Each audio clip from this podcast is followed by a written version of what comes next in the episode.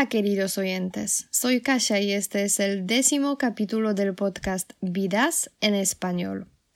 ¿Nos estáis escuchando por primera vez? Bueno, entonces tenéis que saber dos cosas. Primero, nuestro objetivo es ayudaros a ampliar vuestro vocabulario y mejorar el conocimiento de las estructuras gramaticales a través de biografías de diferentes personajes interesantes, como por ejemplo Jack Nicholson, Virginia Woolf o Frida Kahlo. Es muy simple, escucháis y aprendéis. Pero, ojo, el caso es que tenéis que escuchar con atención. No, no os prometemos que vuestro nivel de español mejorará si escucháis los capítulos del podcast durmiendo o si lo usáis como ruido del fondo. Esto no funciona así. Por eso hay que escuchar con atención y escuchar cada historia varias veces para realmente tener éxito. Y la segunda información que tengo para las personas que no nos han escuchado antes. Hoy voy a presentar la segunda parte de la historia de Amancio Ortega. Por tanto, os recomiendo volver al capítulo anterior, número 9, y después de conocer la primera parte, volver aquí. ¿De acuerdo? Empezamos.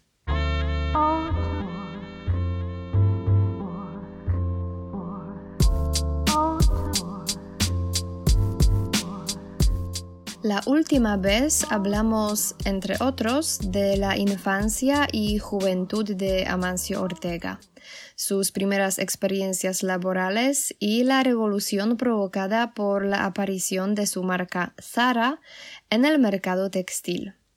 Pero, ¿qué más sabemos del fundador de este exitoso negocio? ¿Qué dicen sobre él sus trabajadores y qué piensa él de sí mismo? Bueno, sabemos que con Rosalía Mera Goyenechea tuvo dos hijos, Sandra, nacida en 1968, y Marcos, que nació tres años más tarde, afectado por una parálisis cerebral. En 1986, Amancio y Rosalía se divorciaron. Después de 15 años, Amancio se casó otra vez con Flora Pérez Marcote, con quien ya había tenido una hija, Marta, nacida en 1984. Amancio tiene cuatro nietos, tres hijos de Sandra y un hijo de Marta, que también se llama Amancio.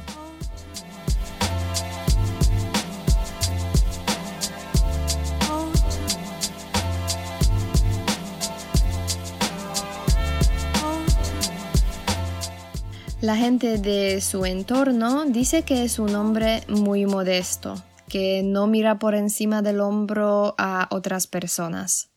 Nunca quería ser famoso, por eso hasta el año 2000 no permitía publicar sus fotografías. Amancio dijo Me gustaría que en la calle me reconocieran solo los miembros de mi familia, mis amigos y compañeros del trabajo. Llevo una vida tranquila, soy una persona normal. Quiero ir a donde me guste, tomar café en la terraza de la Plaza María Pita o, dar un paseo sin llamar la atención.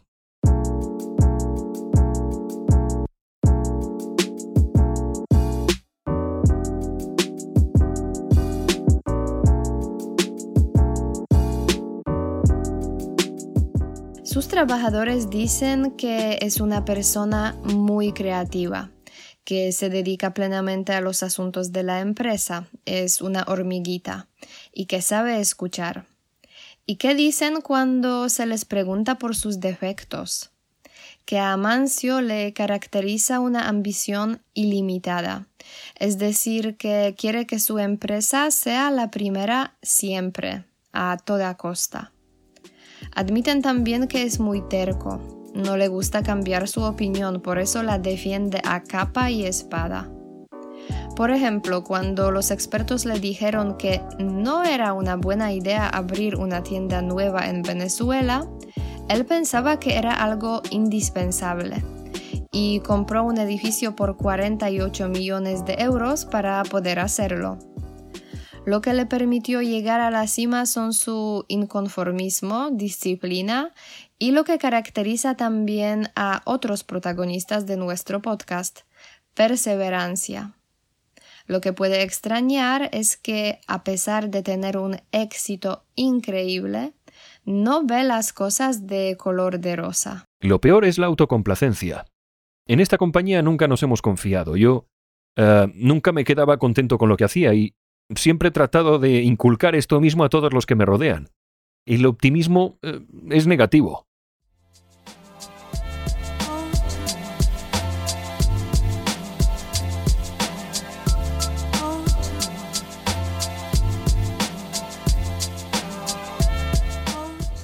Bueno, pero ahora es el momento de volver a la historia de la empresa. Como os he dicho, en 1988, Zara comenzó su expansión internacional. Y en el siglo XX las tiendas de la marca aparecieron en muchos países de Europa, América, Asia, Oriente Medio e incluso África.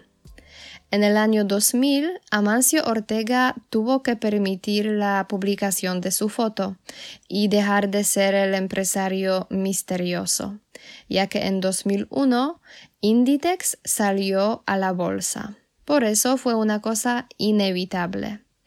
Cuando la compañía salió a la bolsa, sus trabajadores recibieron un regalo atractivo, acciones.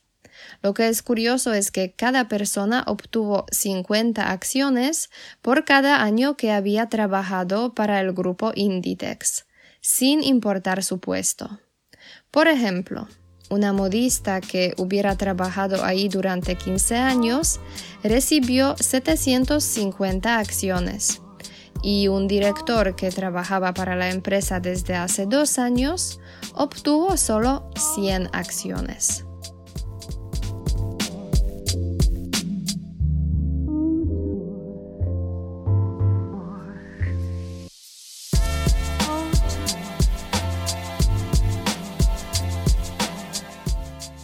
El mismo año apareció en el mercado la nueva marca de Inditex, Oisho, especializada en lencería. Dos años más tarde nació la séptima marca del grupo, Zara Home, que vende artículos para el hogar. Zara Home se convertiría en la primera tienda online de Inditex. La venta realizada a través de Internet es otro aspecto muy importante para toda la empresa y se desarrolla muy rápidamente. El año pasado representó el 10% de las ventas globales. El récord de ventas online de Sara tuvo lugar el pasado Black Friday, cuando la marca recibió 249.216 pedidos en solo una hora. Increíble. Un dato curioso.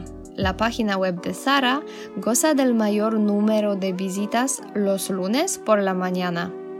Ya sé que estáis haciendo cuando vuestro jefe no os ve.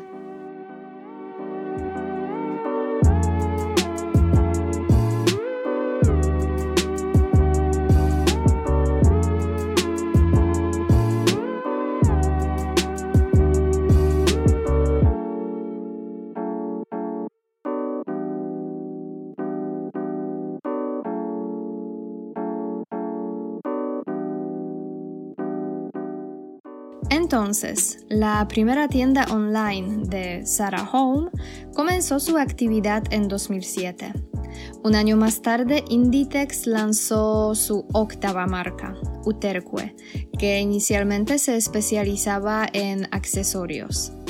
En 2011, Amancio Ortega escribió una carta a sus trabajadores, anunciando que abandona la presidencia del grupo Inditex y la asume Pablo Isla.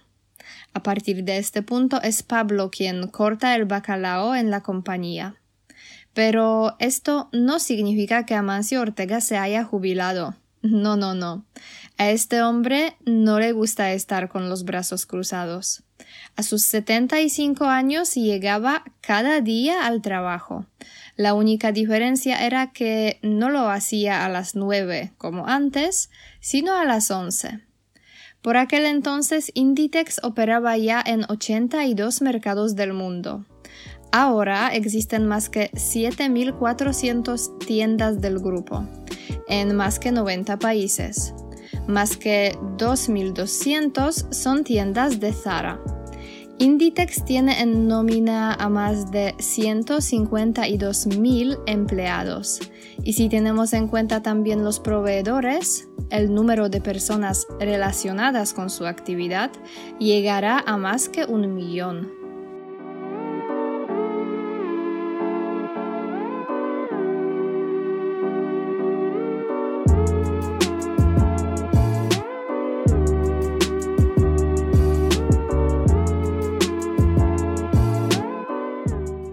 Lo más increíble de la historia de Amancio Ortega es el hecho que, siendo adolescente, tuvo que trabajar en una tienda de ropa para ayudar a su familia. Empezó su carrera con una tienda de Zara en La Coruña y desarrollando la cadena consiguió llegar a la lista de los hombres más ricos del mundo de la revista Forbes. ¿Conocéis a otras personas de la lista? ¿No? Entonces tengo que presentaros por lo menos los cinco hombres que están por encima de Amancio. Número 1. Jeff Bezos. Es un empresario estadounidense de 54 años. Fue la primera persona que logró superar los 100 mil millones de dólares. Es el fundador y director ejecutivo de Amazon con una fortuna de aproximadamente 150 mil millones de dólares. El segundo hombre más rico del mundo es Bill Gates. Pienso que su nombre os suena ya que es un empresario e informático estadounidense de 62 años, cofundador y director ejecutivo de Microsoft. Sí, sí, esa empresa cuyo producto es el sistema operativo Windows. Bill Gates ha hecho el agosto vendiéndolo y ahora puede disfrutar de una fortuna que está estimada de 87 mil millones de dólares. El número 3 en la lista, Warren Buffett. Es otro empresario de Estados Unidos, un poco mayor, de 87 años.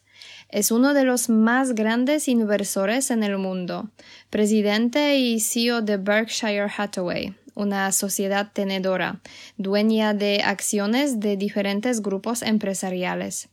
La fortuna del señor Buffett está estimada de 87 mil millones de dólares.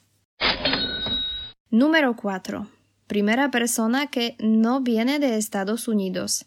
Se llama Bernard Arnault es un empresario francés de 69 años, propietario del grupo de artículos de lujo LMVH, el hombre más rico de la Unión Europea, con una fortuna de 72 mil millones de dólares. El hombre que ocupa el quinto lugar en este ranking mundial es otro estadounidense, Mark Zuckerberg a quien probablemente conocéis como el fundador de Facebook, con un patrimonio calculado en 71 mil millones de dólares.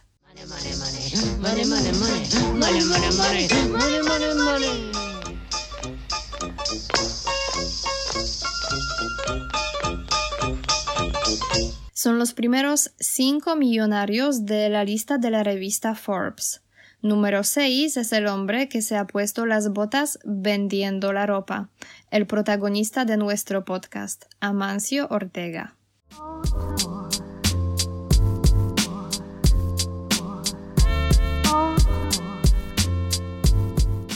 Bueno, hemos hablado de los datos, las fechas y los impresionantes éxitos del grupo Inditex y su fundador.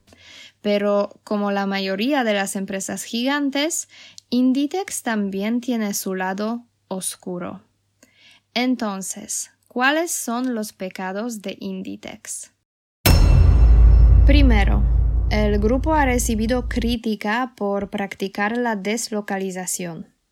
La deslocalización es el proceso de trasladar los centros de trabajo a los países poco desarrollados, que permite reducir los gastos de producción.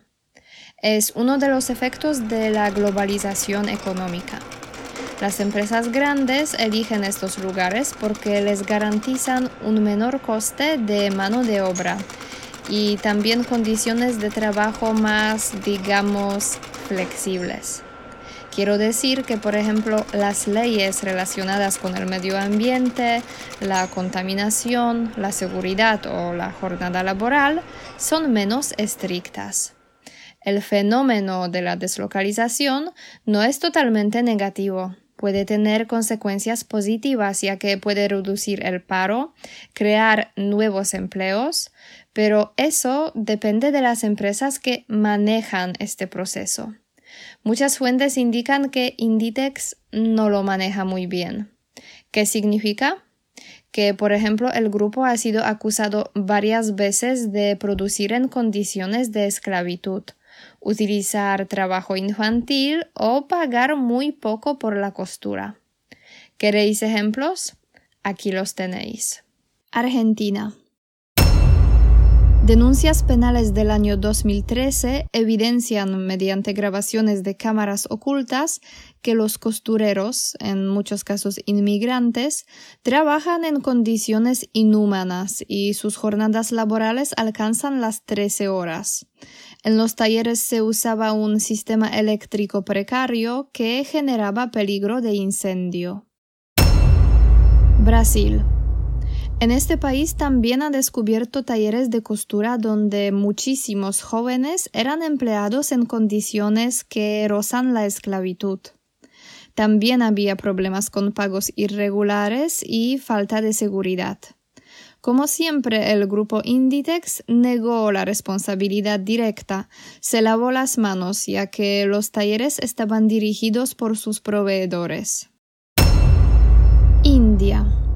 En Tamil Nadu, en el sur de India, niñas y adolescentes trabajan sin contrato, en condiciones insalubres. Trabajan más que 72 horas a la semana por un salario de menos que un euro al día. No es todo. Este dinero servirá para pagar su dote matrimonial. Producen artículos para grandes empresas internacionales, entre ellas el corte inglés e Inditex. Podéis imaginaros que estas chicas solo pueden abandonar el complejo textil donde trabajan una vez al mes y, por si fuera poco, bajo vigilancia. De verdad se asemeja a la esclavitud, ¿no? Turquía. Periodistas de BBC hicieron una investigación y descubrieron fábricas donde trabajaban de forma irregular refugiados sirios. Otra vez podemos leer los informes hablando de jornadas laborales de 12 horas y más, realizadas en unos lugares que no cumplen las normas de seguridad. Por supuesto, las condiciones inhumanas y salarios míseros son las cosas que se repiten también en este país. En 2017, otra vez oímos informaciones sobre los trabajadores de los proveedores de Zara en Turquía. Esta vez ellos decidieron luchar y lucharon de manera bastante original. Colocaron etiquetas en las prendas de Sara para protestar contra el impago de salarios.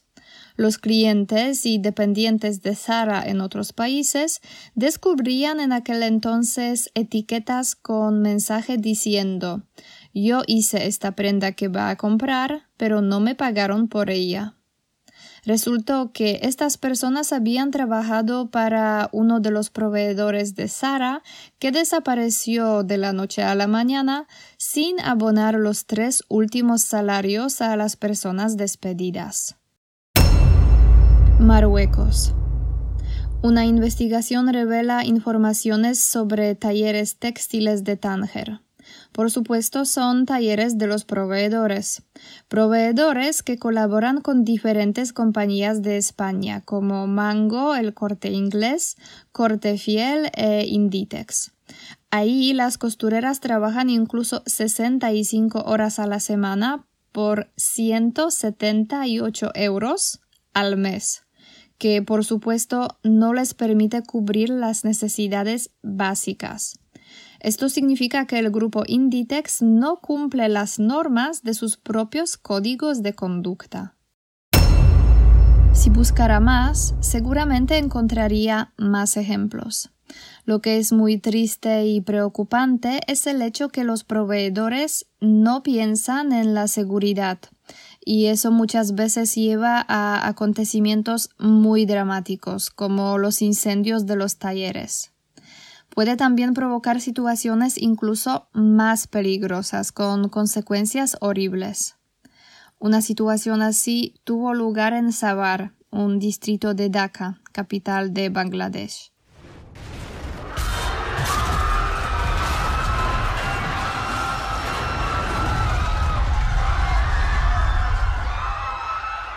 Ahí un edificio de ocho pisos que alojaba fábricas de ropa se derrumbó.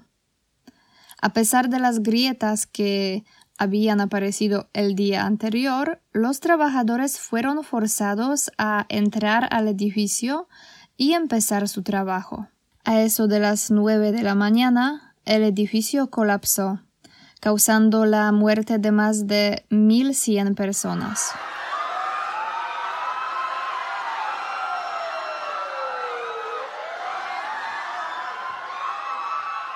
Otras 2.437 resultaron heridas. Debajo de los escombros había etiquetas de las marcas como Primark, Benetton, Mango e Inditex. Es un ejemplo horrible y trágico de la deslocalización manejada de manera cruel y egoísta, que lleva consigo un gran peligro y la muerte de personas pobres que trabajan muy duro para sobrevivir. Es un precio muy alto por el éxito de una empresa gigante, el precio que pagan los habitantes de países poco desarrollados.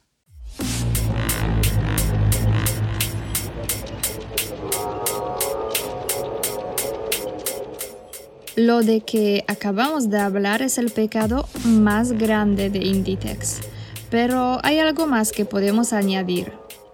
El grupo fue acusado también de plagio, Sí, han copiado diseños de otras personas y los han vendido como productos propios, sin dar ningún crédito a sus autores. Los ejemplos podéis ver en Internet. Taísta de madera Patrick Damiens de Maaseik en Bélgica ha ganado un caso de derechos de autor contra Sarah Home, que estaba vendiendo las velas con una imagen creada por él. El tribunal confirmó que la marca había robado su diseño. Sin lugar a dudas, este tipo de prácticas injustas no nos gusta.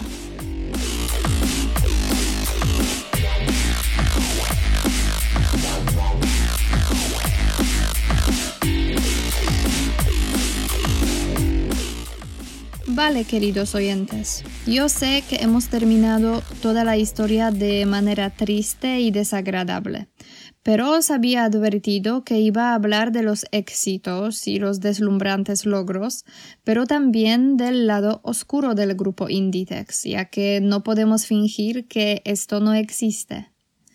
¿Cómo podemos resumir la historia? Seguramente podemos decir otra vez que querer es poder que el trabajo duro permite cumplir los sueños. Aunque en este camino hay que pararse de vez en cuando para comprobar si nuestro éxito no causa o no mantiene la mala situación de otras personas. No quiero decir más, os he presentado muchísimas informaciones y lo de formaros una opinión, esta vez es cosa vuestra. Como siempre podéis dejar los comentarios en nuestra página de Facebook, ¿vale?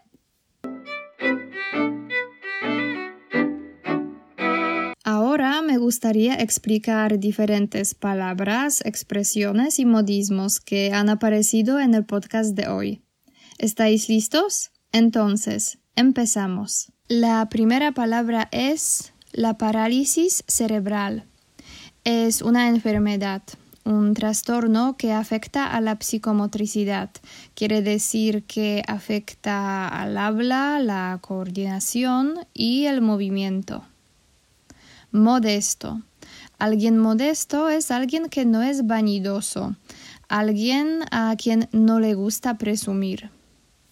Mirar por encima del hombro es una expresión idiomática que significa tratar a alguien con desprecio. Plenamente es sinónimo de completamente o absolutamente. Ser una hormiguita es una expresión idiomática usada para hablar de una persona muy trabajadora. Terco. Si alguien es terco, eso significa que tiene su propia opinión y no quiere cambiarla. Es pertinaz. Defender a capa y espada. Es otra expresión idiomática que quiere decir que se defiende algo con empeño. La cima es el punto más alto de algo. Se puede llegar a la cima en las montañas, pero también se usa en un sentido más metafórico, cuando la cima es sinónimo de grandes éxitos. El inconformismo es lo que pasa cuando no estamos de acuerdo con las reglas establecidas, cuando vamos contracorriente. La perseverancia es la cualidad que caracteriza a las personas que no se rinden, que se esfuerzan mucho y luchan para cumplir sus sueños. Ver las cosas de color de rosa. Es un modismo que usamos hablando de una persona optimista. La autocomplacencia. Podemos usar esta palabra cuando alguien está contento gracias a sus propios actos. Inculcar significa transmitir a alguien alguna idea o un concepto. La bolsa es una institución oficial que permite realizar transacciones comerciales, por ejemplo, comprar o vender acciones. Inevitable. Algo inevitable es algo que no se puede evitar. La lencería es la ropa interior. Abandonar significa dejar algún lugar o alguna persona sola. Asumir. Este verbo significa hacerse cargo de algo. Cortar el bacalao. Es un modismo. Una persona que corta el bacalao es la que manda o da órdenes. Estar con los brazos cruzados es otro modismo que significa estar sin hacer nada, ser pasivo. Hacer el agosto. Es una expresión idiomática que significa ganar mucho dinero, enriquecerse. Estimar. Es sinónimo de calcular o evaluar. El propietario es el dueño o el amo. Ponerse las botas. Esta expresión idiomática también significa ganar mucho dinero, enriquecerse. El pecado es un comportamiento malo, una acción que rompe las reglas religiosas. Estricto es lo mismo que riguroso o severo. El paro es desempleo o desocupación cuando alguien está en paro significa que no tiene trabajo. Manejar es sinónimo de administrar, dirigir, gobernar. Indicar significa mostrar, explicar o decir algo. Acusar significa culpar a alguien de hacer algo, por ejemplo, de cometer un delito. La esclavitud es una situación en la que una persona pertenece a otra, a su dueño que puede hacer con su esclavo todo lo que quiere. La costura es una acción que consiste en unir las telas para crear, por ejemplo, una prenda de ropa. Evidenciar significa demostrar o manifestar algo. La grabación es el resultado de registrar video o sonido. Inhumano. Algo inhumano es algo cruel o despiadado. Alcanzar. Es lo mismo que conseguir o lograr. Precario. es sinónimo de inestable o inseguro. El incendio es un fuego grande que no está controlado. Rozar es lo que pasa cuando una cosa toca ligeramente la superficie de otra cosa. Lavarse las manos es un modismo que significa no aceptar la responsabilidad de algo. Insalubre. Algo insalubre es algo nocivo o perjudicial. La dote matrimonial es el patrimonio que una chica o su familia regala a su futuro marido. El refugiado es una persona que huye de su país a causa de algún peligro y busca asilo en otro país. Cumplir. Se puede, por ejemplo, cumplir las normas, que significa respetar las normas, hacer lo a que estamos obligados. El impago es la falta o omisión de un pago. De la noche a la mañana. Cuando algo pasa de repente, muy rápidamente, podemos decir que pasó de la noche a la mañana. Abonar. En el contexto en el que lo he usado, significa pagar una deuda. Derrumbarse.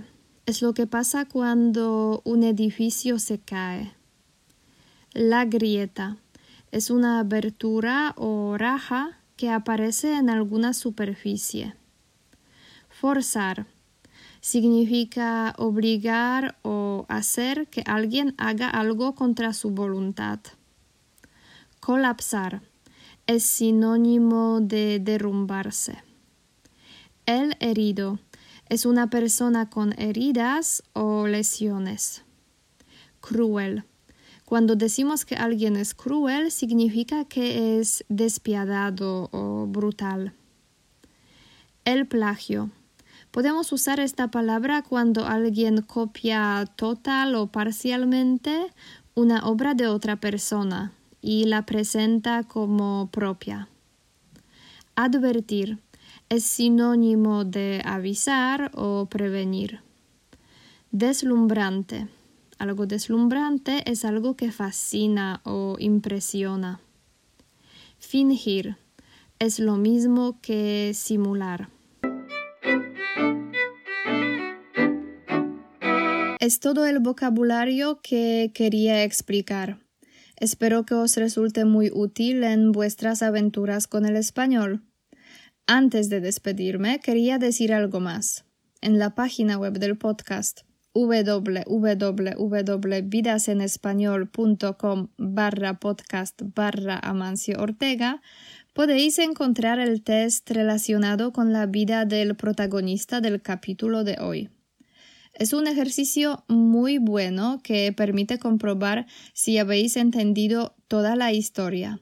Y además, la primera persona que consiga al menos 18 puntos recibirá la transcripción completa del podcast. Buena suerte, queridos oyentes. La próxima vez os llevaremos a Barcelona para presentar otra biografía muy interesante. Hasta la próxima. Chao. Vidas en español, español, español.